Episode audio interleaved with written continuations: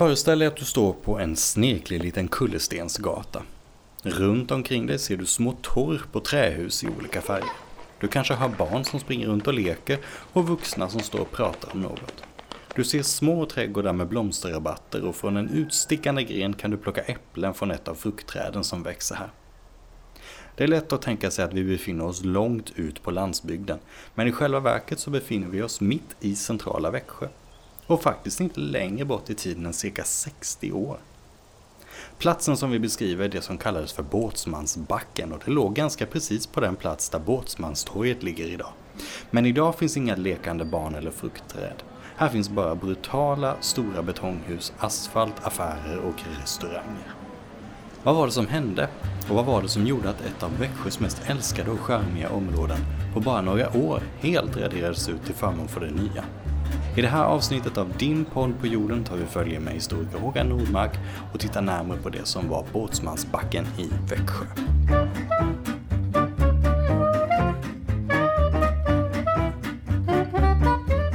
Din podd på jorden är Kulturparken Smålands podd om Kronoberg. Här pratar vi om stort som smått inom länets kulturhistoria, från forntid till nutid.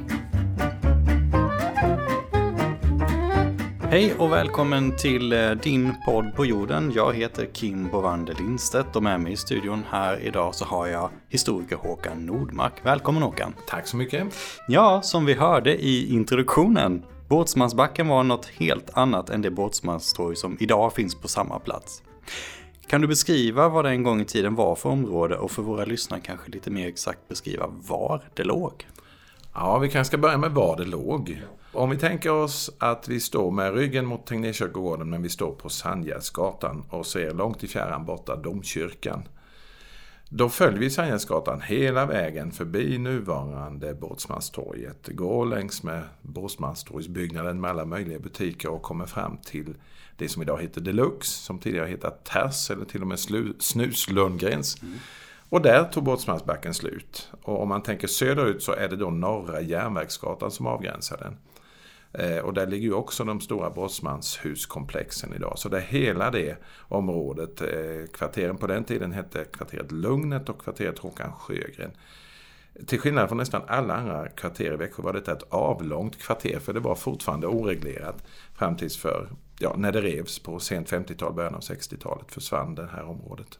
Så det var ett relativt stort område ändå, inget litet små? Det var ett stort område men det var små hus. Mm. Stora hus och små hus och det bodde eh, väldigt många där periodvis. Naturligtvis inte när man rev för då hade de flesta flyttat. De fick inte vara kvar inne i husen när de rev naturligtvis. Vad var det för hus? Som, alltså små hus säger vi men när, när började de byggas och var, varför?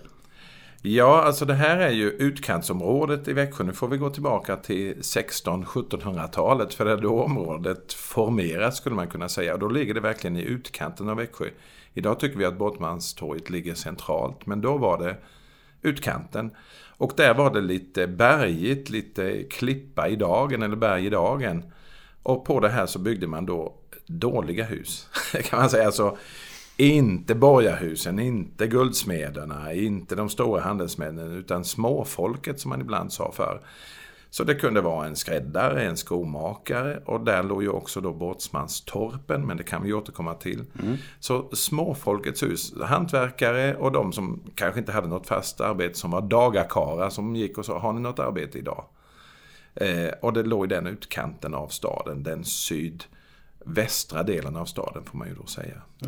Du nämnde båtsmännen där och det är ju liksom Ja, jag tänkte vi skulle komma till dem. namnet kommer misstänker jag. Ja, det är ju många städer i vårt land som har en båtsmansbacke. Det finns i Jönköping och i Vimmerby och det finns båtsmansstugor i Kalmar också. För annars är det ju lite udda. Så vi, ska vi ta det direkt med ja, båtsmännen? Så har vi, så har vi det vaskat av det. har vi verkligen bakgrunden med oss. Ja, det kan ju kännas... En båtsman är ju en... Eh,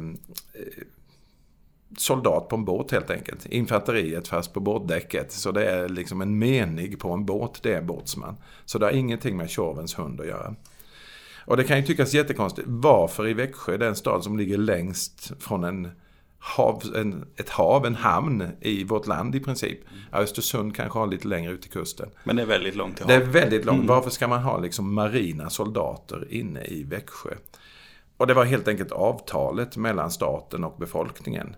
Städerna skulle förse staten med eh, folk till eh, flottan, till marinen, eller vad man vill kalla den. Och landsbygden skulle förse staten med infanteri, med husarer och sånt där. Så det var avtalet helt enkelt. Mm. Och för Växjös del så gällde det att sätta upp, det brukar vara åtta båtsmän som man ska sätta upp då åt staten när det blir krig. Och när det inte är krig så bor de i stan och får betalning av stan. Så man, de var en lustiga figur för de var ju statsanställda.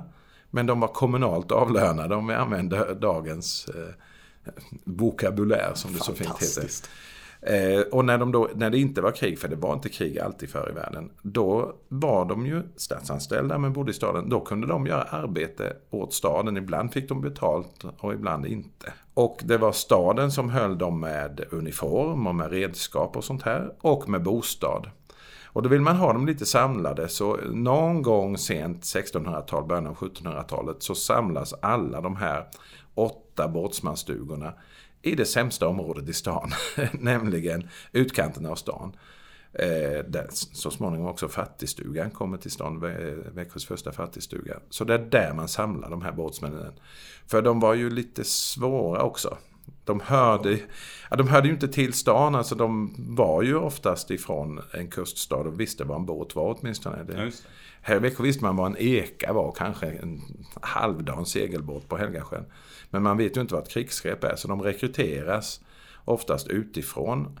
Och det gör ju då att de inte har något eh, socialt umgänge här utan de kommer som främmande fåglar och umgås med varandra och soldater är ju rätt stökiga. Och så det var liksom inte personer från Växjö alla gånger utan det var någon. Någon kan ha rekryterats från mm. Växjö men de flesta eh, tycks komma ifrån andra socknar. Och nu är kyrkboksmaterialet så dåligt mm. här i början. Vi får en folkbokföring ordentligt först 1686. Eh, och sen så har det brunnits många gånger i Växjö. Så det äldsta materialet vi har är från tidigt 1700-tal. Och då tycks de flesta av dem komma utifrån i varje fall.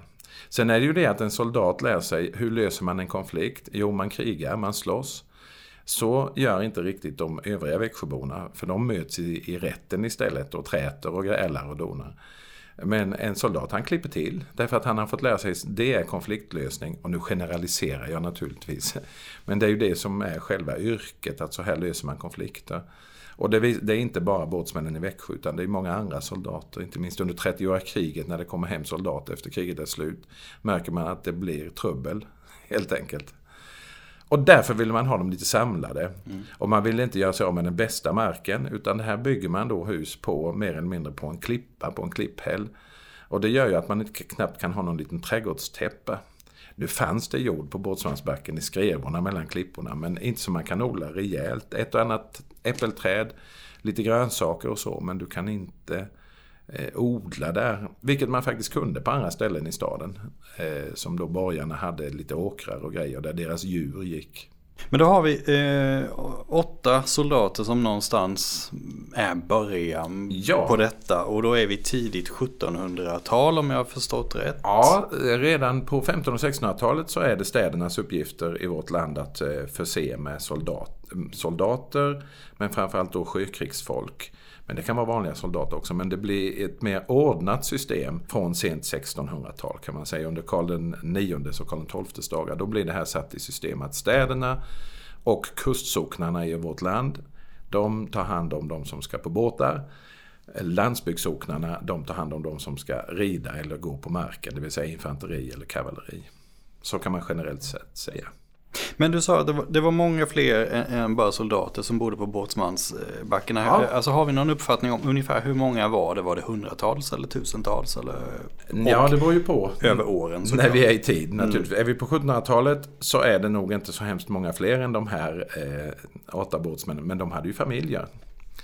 Eh, och lite annat småfolk. Men det var få borgarhus där då. Alltså få handelsmän, få riktigt fina hantverkare utan kanske en usel skomakare eller så eh, som kunde bo där. Så då var det inte särskilt många. Men när vi kommer fram till, eh, låt oss säga början av 1900-talet, 50 eh, år innan stället rivs, då bor det ju väldigt många där. Alltså det är stora familjer och generellt sett kan man säga ju fattigare familj desto fler barn.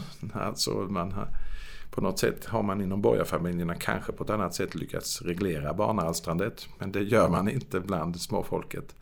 Och, och det är så det ser ut och det ska vi inte gå in på barnbegränsning för det är en helt annan podd. Ja, det är en annan podd. podd. Så det bodde faktiskt rätt så många där. Och en del riktigt bra fina hus som låg utåt Sandgärdsgatan.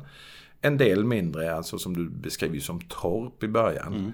Nu försvann ju så, eh, Båtsmanstorpen. Men småhus som ser ut som ett pyttetorp. Och där det kanske bodde en skomakare eller en skräddare eller en, till och med en som målade tavlor. För en av Växjös stora profiler bodde ju på Båtsmansbacken ett tag. vi ska komma till det sen. Yngve Räv som vi kanske kommer till senare. Absolut, absolut. Hur såg livet ut på Båtsmansbacken? Var det tufft och slitigt? Ja, som det är för alla fattiga. Inte värre än för andra, men var absolut inte bättre. Men det som var tufft var ju att det fanns inte vatten och avlopp. För det är ju berg där, man kan liksom inte hacka ner en vattenledning. Man kan inte hacka ner ett avlopp. Utan det är eh, pump och det är att slå ut det i en ja, slabbebod någonstans där man hoppas det sjunker ner. Eh, nu var det ju faktiskt inte så ovanligt i Växjö. Ännu på 60-talet, till och med början av 70-talet, så fanns det hus i centrala Växjö idag, alltså innanför esplanaderna, som hade dass. Så det har inte bara med Båtsmansbacken att göra. Man hade helt enkelt inte anslutit de gamla husen i staden till ett kommunalt eh, avloppsnät. Så tunngubbar såg man i staden ännu på tidigt 70-tal som gick och hämtade dasstunnor och sådär. Inte soptunnor utan dasstunnor. På 70-talet? 1970-talet? Tidigt 1970-tal fanns det fortfarande någon enstaka här och var. På 60-talet var de många. Så vi glömmer bort det. Alltså ibland får Båtsmansbacken stå som ett unikum i, i ett annat väldigt välordnat och fint och putsat Växjö. Så var det ju inte riktigt. Utan det har ju blivit en symbol för det Växjö som försvann. I och med att man började jag ska inte kalla det sanera staden, för man tyckte inte det var så där farligt, men det är att staden expanderar. Det flyttar in något enormt med människor till Växjö från 50 men framförallt 1960-talet. Så stan fördubblas ju på 10 år invånarantalet. Jag vet inte hur många är vi idag i själva tätorten? Är vi jag vågar inte gissa. 75-80 i tätorten Det är kanske. nog en rätt bra gissning. Och tänk om det då på de kommande 10 åren flyttar in 75 000 till i tätor. Alltså det skulle märkas. De här ska jobba någonstans. De ska handla sitt eh, fläsk och mjölk någonstans. Och de ska bo någonstans. Och det är ju då man börjar riva. Det blir inte så mycket nytt boende inne i stan. Utan det blir ju handel och kontor. Och det man gör är ju att man river och fyller kvarteren. För inne i kvarteren har det varit innergårdar. Eh, till och med fanns kvar gamla körportar där man körde in med häst och vagn. Så var det en stor innergård. Men då river man och så fyller man det med block. Så man har ju inte byggt på höjden i Växjö. Förrän nu har man ju börjat att pilla med det. Utan man, samma höjd blev det men det blev mycket, mycket större volym för man fyllde innergårdarna. Och hela det här båtsmansområdet då där det var åtskilliga småhus och några stora. Det rivs och så blir det det här stora Båtsmanstorgskomplexet som ju är som ett stort U kan man ju nästan säga. Med torget i mitten.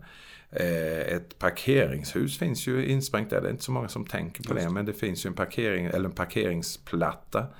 Och så finns det då eh, P-plats upp i marknivå. Men det finns ju faktiskt en som är ett P-däck där man kör in från Sandgärdsgatan. Så, så, i efterhanden har ju Båtsmarkmarken fått stå som symbolen för allt som försvann. Mm. Men övriga Växjö var rätt så ruffigt det också här och var. Och att det var så, en del, ja det är klart man rev de där rucklen, då har de sett bilder på det strax innan man rev det. Och det är ju för att man har vetat att det här kommer rivas, ägarna vill riva det. Då underhåller man det inte. Åtminstone inte om man bor i Småland och det här kommer rivas om tio år, då slösar man inte färg på det. Man lägger inte ett nytt tak på ett hus som man vet ska rivas. Så till och med om en ruta går sönder, äh, vi sätter i en spånplatta istället. Äh, kanske masonit. Ja, och vi kommer till, eh, nu ska jag bläddra i mina papper. Vi kommer till eh, rivningen och, och lite ja. eftermälet om det senare här. Eh, när jag nämnde för min mormor att vi skulle göra ett poddavsnitt om Båtsmansbacken. Mm. Då var hennes reaktion, åh, det var så fint där. Mm. Och i introduktionen till detta avsnittet så, så eh, nämnde jag även det här med trädgårdar och fruktträd och mm, liknande. Mm. Alltså det är rätt lätt att få en, en bild av att det här var något av en idyll, något, något väldigt charmigt eller liknande.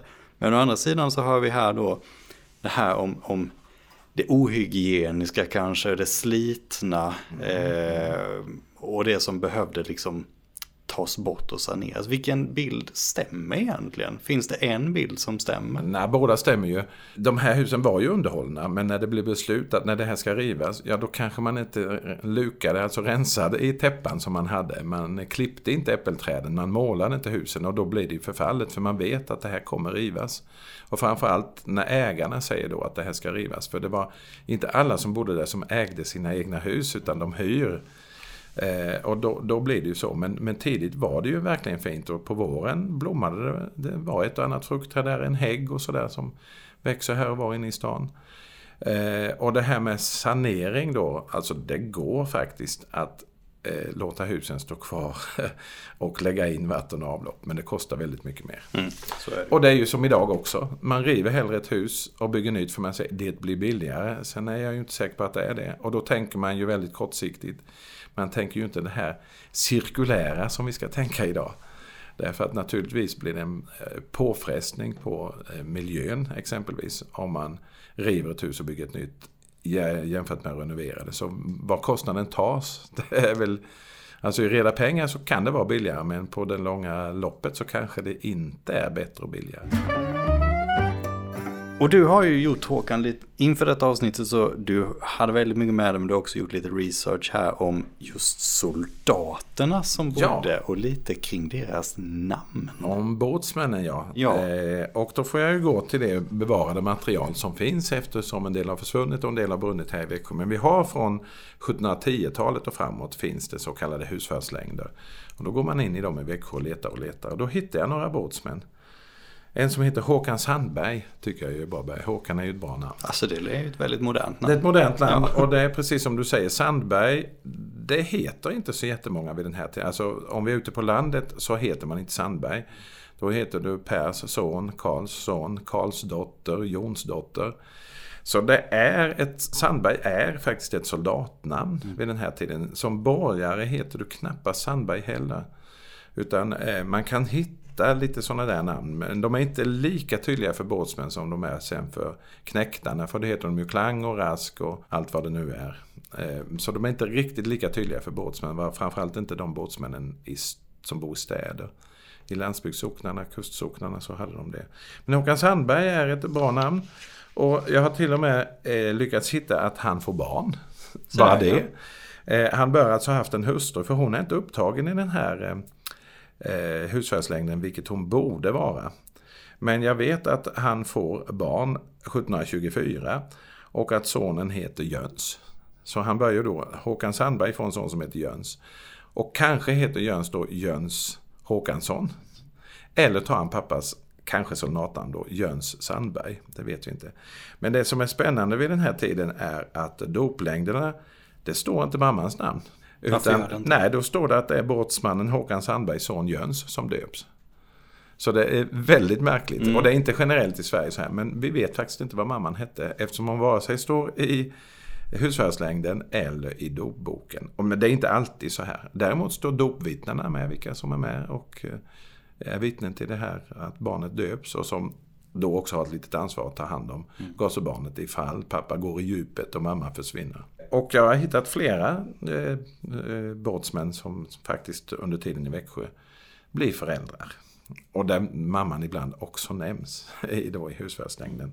Så några andra, eh, båtsmannen Olof Moberg till exempel och hans dotter står, eh, nej förlåt mig, hustru står med i husvärdslängden. Hon heter Sara Jonsdotter. Och det är ett typiskt bondnamn, Sara Jonsdotter. Hon är förmodligen inte från, från staden.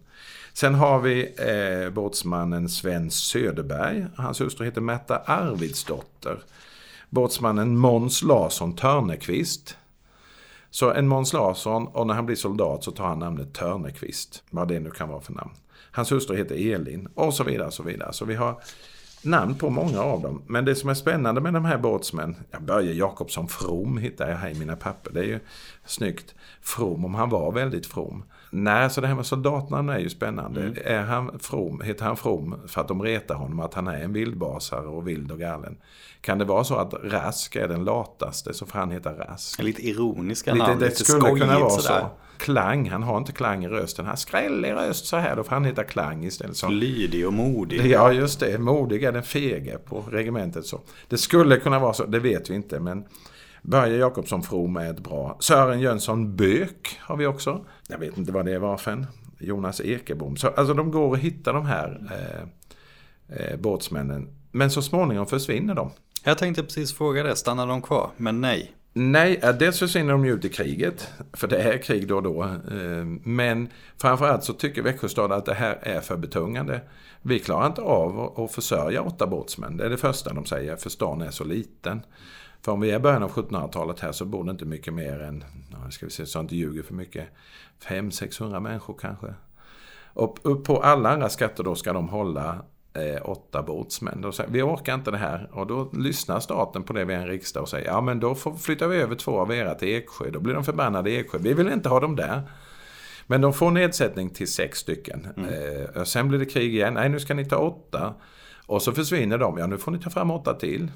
För så var det ju. Om en av soldaterna eller båtsmännen i Växjö försvinner när det är krig. Ja, då är man skyldig att sätta upp en ny i stan, för det är det som är avtalet. Och med honom försvinner ju också uniform och redskap. Då ska man liksom få fram det också. Och så får man vräka änkan och barnen från stugan och flytta in en ny båtsman där. Och då kanske de hamnar så man får ta hand om dem i fattigkassan istället. Så det är en enorm påfrestning på Sveriges städer det här. Liksom på landsbygdssocknarna för infanterisoldater naturligtvis. Så eh, Växjö löser det genom att säga att vi betalar pengar istället. Det är ju inte alltid det är krig och då är de här bara till besvär i stan. Så ni får en penningsumma varje år. Eh, är ni nöjda med det så får ni köpa in båtsmän, värva dem när det blir krig. Och så blir det. Så Växjö blir av med dem där. Så man gör den överenskommelsen med staten? Man gör överenskommelsen. Och det var en jättebra överenskommelse. För sen är det en stor inflation. Det har vi ju nu också. Men den är enormt stor på 1700-talet. Och de, staten glömde att indexreglera det där avtalet. Whoops. Så det blir mindre och mindre och mindre Växjöborna behöver betala egentligen till det här. Men namnet lever kvar. För Båtsmansbacken lever kvar som namn. Det har inte bott en, bott en båtsman där på 300 år. Och ändå talar vi fortfarande om Båtsmanstorget. Och, Båtsmannen fanns som en restaurang tills för ett tag sedan. Nu har ju den faktiskt också bytt namn. Ja, för det har ju inte det här om man bara liksom går till de namnstående. Det är inte helt självklart var namnet kommer ifrån. Men här börjar ju förklaringen dyka upp. Men att det har hållit sig så länge att ja, det inte det har bytt namn. Det är fantastiskt. Och att det även nu i modern tid när man rev det då på 60-talet. Mm fortsatte att hålla fast ja. vid namnet ja. fast lägga till torget då istället. Och det fanns ju inte en båtsmansstuga. Det är ju ingen eh, nu levande som har sett en båtsmansstuga för vi har haft så många bränder i Växjö. Hela det här området som vi kan kalla Båtsmansbacken då. Det försvann exempelvis i branden 1799. Sen hade vi ju två bränder till. En 1800 38 och en 1842 och då härjas också en del av området. Så de flesta av husen som låg på Båtsmansbacken är byggda på mitten av 18, eller är byggda, var byggda i mitten av 1800-talet. Så de ursprungliga båtsmansstugorna är det ju ingen människa som har sett någonsin. Ja, de som levde då naturligtvis. Men de, de försvann redan på 1700-talet, de ursprungliga båtsmansstugorna. Medan de finns kvar i andra städer i något för, eh, förändrat skick. Det finns ju till exempel i Kalmar kvar några ute vid det som heter Kattrumpan. Och då brukar man ju alltid, åh Kalmar har varit så duktiga på att bevara. Och det är en av de största lögner som finns. Det är ju att de har varit i ekonomiskt bakvatten sen, höll jag på att säga, 1400-talet. Nu hittar jag på lite. Men det var ju att man hade inga investerare. Och det var ju det som var Växjös lycka och förbannelse på 50 och 60-talet. Det kom hur mycket som, sak som helst i stan. Och då måste man expandera. Och hade Kalmar haft samma ekonomiska go på den tiden, då hade man rivit hela Kvarnholmen, där centrala Kalmar ligger idag. Du har gått igenom lite namn här på soldater. Men det ja, finns båtsmän. Ju, båtsmän. Mm. mm. Som är soldater till sjöss. Just det. Eh, men det finns ju mer civila eh, personer som också har gjort sig ett namn. Som har rört sig ja. i området och varit, mm. haft det som någon form av bas. Och då tänker jag till att börja med på Yngve Räv, målaren. Och ja. Olga Bolin, mm. karamellkokerskan. Mm. Kan du berätta något om vilka Ja, det kan jag. Olga bodde ju inte där så länge, men vi kan ju ta henne ändå. Eh, hon, hon bodde alltså bara i 5-6 år i de här två kvarteren. Sen, sen flyttade hon upp på norr, så hon är ju en norrfigur längs med det vi idag kallar Gamla Norrvägen. Men hon bodde verkligen där. Men framförallt så hade hon ju sin karamellvagn borta på Oxtorget. Som ju är från Båtsmansbacken förbi Tegnérkyrkogården och så bort på Oxtorget. Men hon var ju en väldigt spännande figur på många sätt. Hennes föräldrar, eh, pappan gick nog i någon konditorlära men det blev inte så mycket. Men de hette makarna Arvidsson, vi ska inte gå in på dem för mycket för det är för långt från Båtsmansbacken. Men de sålde sockerpinnar, som man sa på den tiden, alltså karameller. Och det yrket eh, får hon i arv, så hon blir ju Växjös stora karamelltant helt enkelt. Men det som är hennes stora eftermäle, kanske inte hennes goda karameller, utan var ju att hon var väldigt slagfärdig, Eh, lite burlesk emellanåt och i sig en rolig figur. Ibland var hon rolig medvetet, hon var rolig bara att uppleva också. Och det finns ju hur många berättelser som helst om, om Olga Bolin. Och en är när hon, hon får tvillingar, en pojke och en flicka. Eh, och hon är förlovad med en eh, man som heter Bolin. Det blir aldrig äktenskap, men de har varit trolovade. Och det var väldigt viktigt, viktigt för henne att barnen var trolovningsbarn. För nu är vi i början av 1900-talet och då hade det med arv och arvsrätt att göra. Alltså om barnen skulle få ärva sin far eller inte, om de var avlade inom äktenskapet eller åtminstone trolovade, så blev de arvsberättigade. Så det var väldigt viktigt. Så därför tog hon sig namnet Bolin, trots att hon aldrig varit gift. Hon hette alltså Arvidsdotter, eller Arvidsson faktiskt.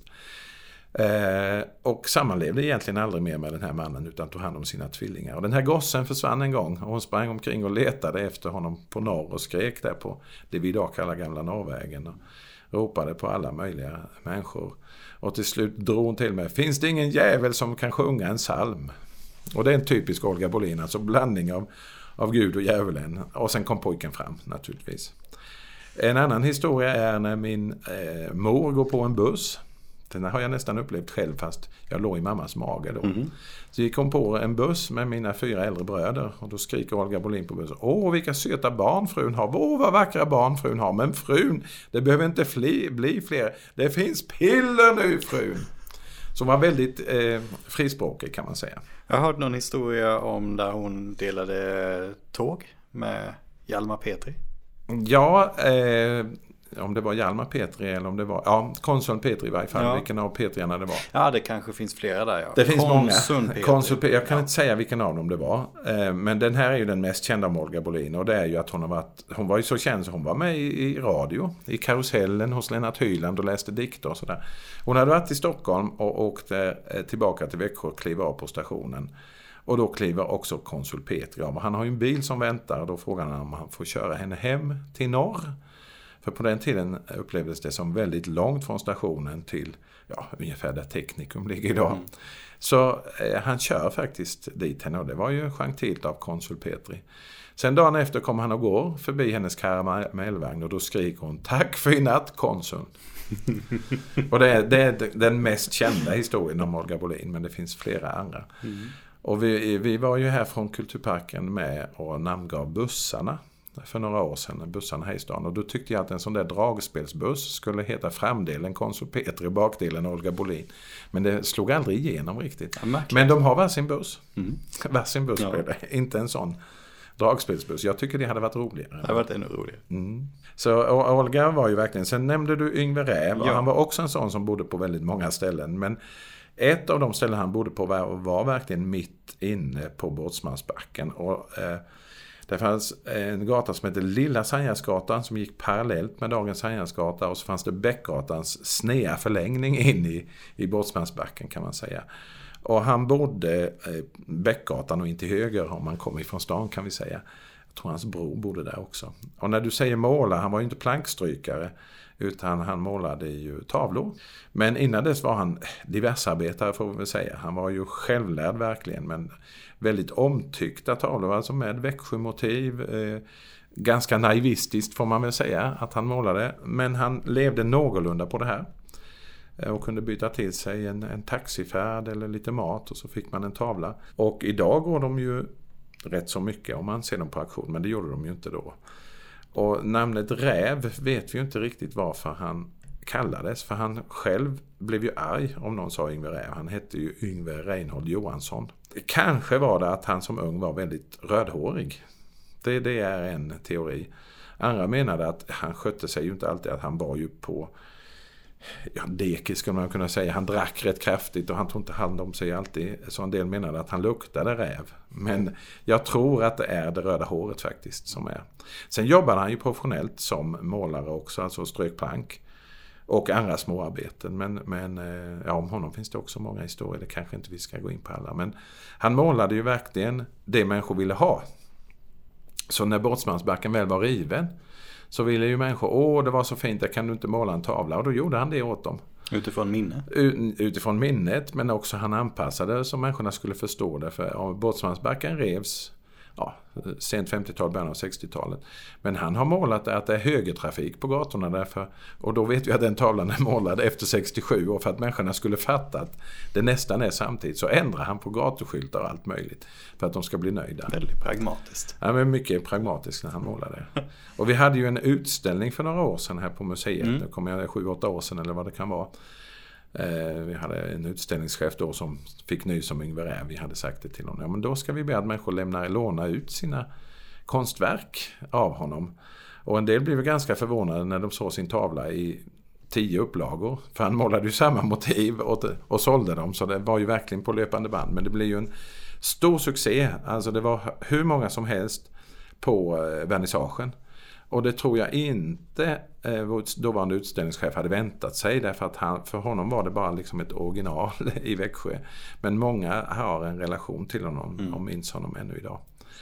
Eh, så det var väldigt roligt. Men å andra sidan, när vernissagen väl var över och det var vanliga museidagar och människor kom och skulle titta på utställningen vet jag att det var en som sa till personalen som står nere i vår reception att Va? Inträde, det betalar jag inte för att se på de tavlorna. så visst, man var intresserad men kanske inte så intresserad. Jag tror det var 90 kronor inträde på den tiden. Men det tyckte jag, 90 kronor var det nog inte värt att se de där 140 tavlorna eller vad det nu var. Men det var en väldigt rolig utställning och roligt att se intresset och det var ju en väldigt tydlig Växjöutställning. Och det slår mig då att en parallell till Yngve Räv Fast inte alls av samma dignitet. Men det är ju inte bara i Växjö det har rivits. Det har varit på väldigt många ställen. Och eh, i Ljungby så har vi ju Sven Ljungberg. Som har eh, på ett helt annat sätt än Yngve Räv dokumenterat sin stad. Som också revs. Och som, han protesterade ju enormt mot rivningarna i Ljungby på 60 och 70-talet. Eh, och han har bevarat många av de husen i målningar som nu är jag ingen konstkritiker men de är av något bättre kvalitet än Yngve Rävs, så kan jag säga. Utan att ljuga. Eh, så det är lite spännande. Alltså, vi vill ju gärna se, åh det är så unikt, Båtsmansbacken, Växjö måleri. Men det, alltså, den utvecklingen finns i hela vårt land efter andra världskriget. Det är en enorm ekonomisk utveckling, det är mycket som rivs. Men i Örebro till exempel, där flyttade man ju husen och skapade som en litet nytt alltså fake-kvarter och mm. kallade det Gamla Vadstena. Nej, inte gamla Vadstena, gamla någonting som jag har glömt just nu. Det kommer sen. Ja, det kommer sen. Det hade man ju kunnat göra med husen på Båtsmansbacken också. Men det gjorde man inte. Utan de revs. Gamla Vadköping heter det. Gamla Vadköping. Gamla Vadköping. Där kom det. På 1950-talet så kom det andra tider och då bestämdes det just det här att Båtsmansbacken skulle rivas. Man menade att husen var förfallna och man ville bygga moderna betonghus på platsen. Mellan 1959 och 1960 så eh, revs området i sin helhet. Och den sista att flytta från Båtsmansbacken det var skomakaren Bertil Augustsson som flyttade 1 mars 1960. Och där Båtsmansbacken låg uppfördes nu istället komplexet Båtsmanstorget som består av en torgyta, affär, restaurang och lägenheter som vi nämnde tidigare. Arkitekt för det nya Båtsmanstorget var Bent Jörgen Jörgensen. Kan du säga någon byggnad han mer ritat i Växjö? Oj, eh, många. Hela Solstaden till exempel, bostadsområdet på Väster. Mm. Eh, det här affärshuset som ligger i hörnet Bäckgatan, Storgatan. Mm. Där parfymeri Irfa ligger idag till exempel. Utvandrarnas hus och Trelleborgs kyrka ja, ligger också på hans ja, han är ju väldigt, och jag, jag har ju inte sett Båtsmansbacken och har ingen relation emotionellt till det. Jag har ju hört berättas om det. Men eh, många har ju blivit arga på det huset som ligger där nu. För åh vad sött det var innan. Men det, det, är ju ganska dumt att bli arg på ett hus. Det är ju inte huset som har låtit driva de andra och det är ju inte Jörgensen som har låtit driva det. Eh, utan det var ju full politisk enighet när ägarna ville riva det här området. Eh, så vi, vi ska inte liksom säga åh vad dumma de var för. Utan det skedde med en politisk enighet och med ägarnas samtycke. Sen fanns det väl Växjöbor som tyckte det var dumt. Men jag som minns Båtsmans torget som det var förr. Innan man förändrade som det är nu. Jag tycker att det var en fantastisk miljö.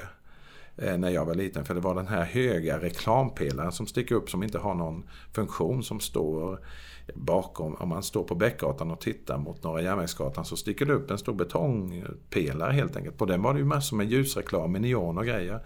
Kvällstidningarna hade sin redaktioner där. Så det var Expressen-Getingen och Svenska Dagbladet och sånt också. Det var stora eh, glasskåp som gjorde reklam för affärerna. Eh, de glasskåpen stod ute på torgytan med betongpelare som gick upp och så var de ställda i. Så det var en, alltså en fantastisk byggnad på sitt sätt som nu är lite förändrad och fördärvad. Mm. Så jag tycker det är historielöst att bli arg på en byggnad. Man kan tycka det var tråkigt att det revs men därför behöver man inte stå och pissa på det huset som är nu. Nej, och som du säger då, om det fanns den här enigheten, var, eh, var det både fastighetsägare och politiker som var så eniga i att det här skulle rivas? Ja, det var det. Och kanske inte alla Växjöbor, framförallt inte tjänstemännen på kommunen. Och jag vet att man även från eh, Riksantikvarieämbetet eh, var och tittade på Växjö och sa att det här området bör sparas. Men sen är ju tomtmark värd mycket och jag skyller heller inte på ägarna. Men det, det var ingen, alltså protester på den tiden var inte som de är idag. Idag limmar man ju fast sig på landningsbanor och E4 och sånt där.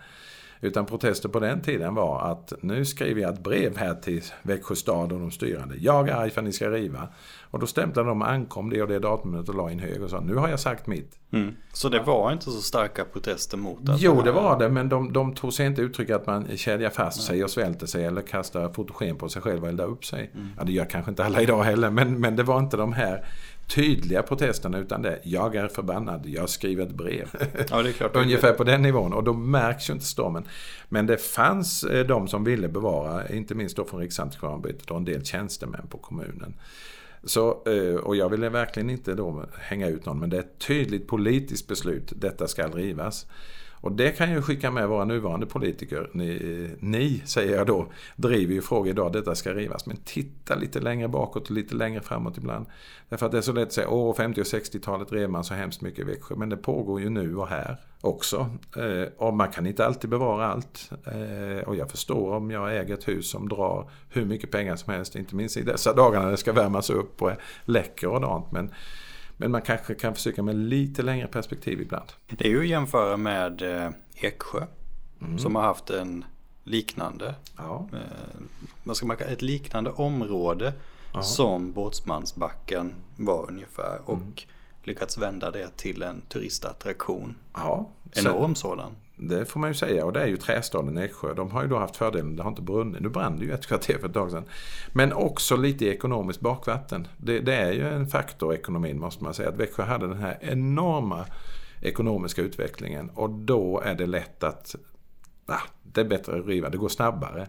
Och om man ändå hade lämnat husen till lite sitt öde då under flera års mm. tid så var kanske det var lätt att hävda att de var rätt så nedgångna. Ja. Och det, det, har ju också hänt i den här stan och jag ska inte peka ut dem men det har ju ibland varit hus som människor vill riva.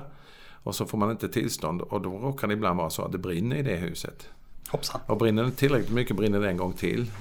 Vad tog alla människor som bodde på Båtsmansbacken vägen när man rev? De flyttade in i moderna lägenheter för det byggdes ju moderna lägenheter i Växjö samtidigt som det här revs. Och faktiskt ett av husen flyttades till eh, området på Spetsamossen och där byggde man ju Lassa Skoghusen till exempel. Där finns väldigt, fick väldigt många plats i de lägenheterna.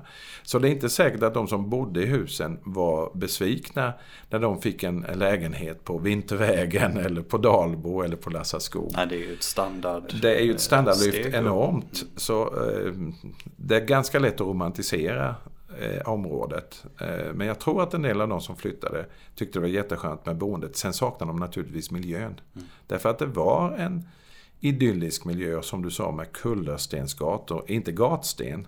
Det har ju människor svårt att skilja på idag. Gatsten är hackade snygga kvadrater som man lägger. Kullersten är ju runda stenar som man lägger. Mm. Det är en kullerstensgata och den är inte lätt att gå på med högklackat till exempel. Inte med vanliga skor heller. Men eh, då när, när allting är, är, är nerrivet och eh, det nya torget är på plats och allt är så vackert som det bara kan bli i den här 60-talsarkitekturen. Hur togs det här nya torget emot av Växjöborna? Tyckte man att det här blev bra? Ganska väl skulle jag säga till en början. eh, ganska väl. Eh, därför att det, alltså, nu är vi framåt. Växjö är en stad som är på, på gång.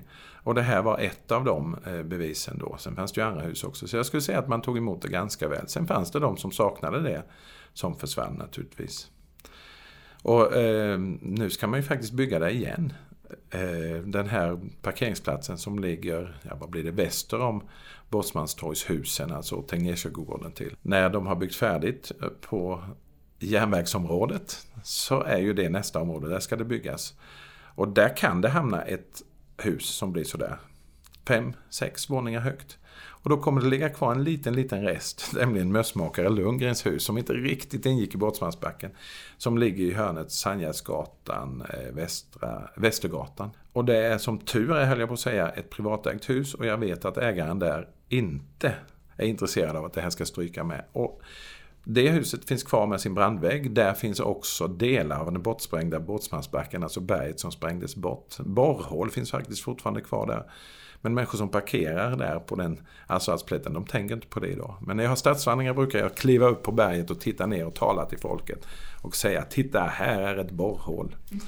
Eh, och det är ganska effektivt för eh, de ser hur högt upp jag står och då får man en uppfattning om hur många kubikmeter som verkligen sprängdes bort av urberg när man flyttade Båtsmansbacken. Och det var ju inte ett enda berg utan den gick ju lite böljande, lite kulligt och sånt där. Och vi, vi har ju lite bilder, vi har ju ett enormt bildmaterial i museets bildarkiv och där finns tre fantastiska bilder där man har skalat av all jord och allting. Och det står människor med tryckluftsborrar och borrar de här spränghålen. Och eh, de finns ju tillgängliga då i det som heter Digitalt museum. Men det kan vi ju det kan vi lägga en länk till. Kanske. Det kan vi lägga en länk till, absolut. Ja. Men det finns ju faktiskt några få fastigheter kvar. Du nämnde Mössmakans här som låg lite på gränsen. Men det finns ju några andra fastigheter kvar som faktiskt var en del av Båtsmansbacken. Vilka var det? Ja, de låg ju också på gränsen och det är ju där Deluxe är idag. Och de är ju då handelshus, tydliga borgarhus. Så det är mellan Mössmakarens hus och eh, det här som vi då kan kalla Deluxe, Ters eller Snus Lundgrens.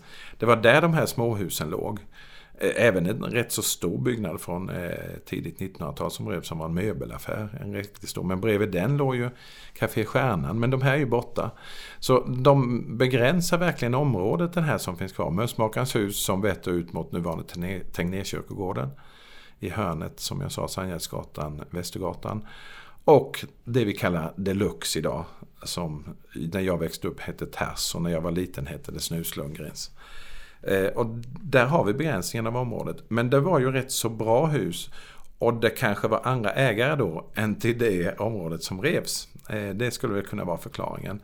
Eh, för det som då heter Snuslundgrens det ingick ju delvis i en järnaffär som låg bredvid där. Det var samma ägare som ägde huset bredvid där det låg en järnaffär. Och de husen då som ligger på Sägensgatan där vi har eh, Deluxe nu, de är ju väldigt, väldigt vackra. Mm. Men inuti är det ju knappt kvar någonting av ursprunglig rumsindelning eller någonting. Så de är ju väldigt förändrade. Det gjordes ju stora ytor där för det gjordes till eh, eh, ja, affärslokal helt enkelt. Så de är väldigt fina men det är, jag ska inte säga att det är en kuliss, men det är ett skal. Så man har väldigt svårt att förstå rumsindelningen där. Men det finns ju också då fotografier från det.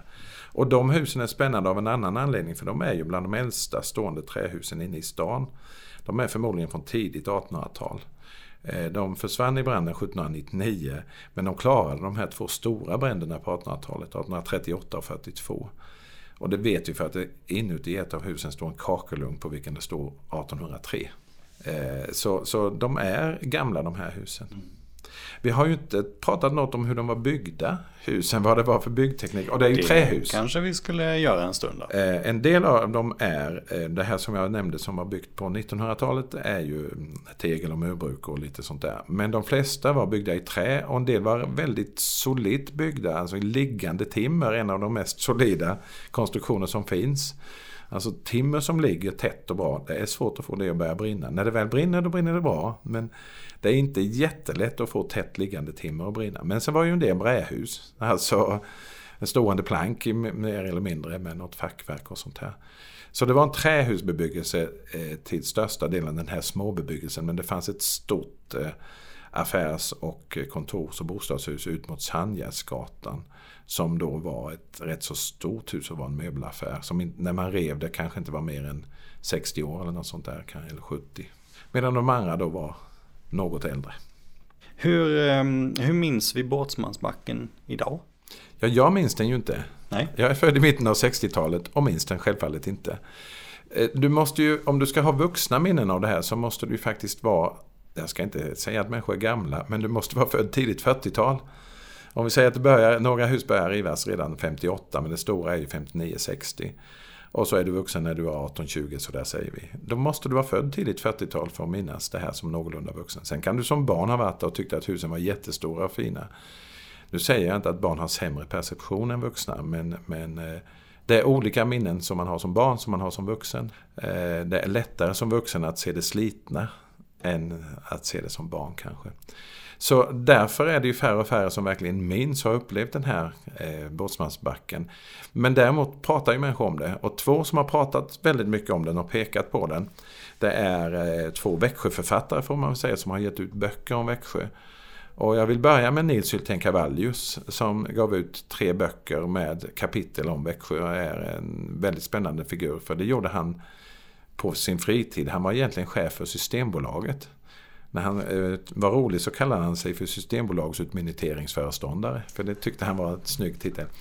Men han skrev små artiklar i tidningar och samlade detta i tre böcker som heter Gamla Växjö berättar. Och eh, Växjö berättar vidare ännu en gång om vad de nu heter. Tre stycken med bra kapitel som är artiklar i sig. Och ett par av dem i hans böcker handlar just om Båtsmansbacken.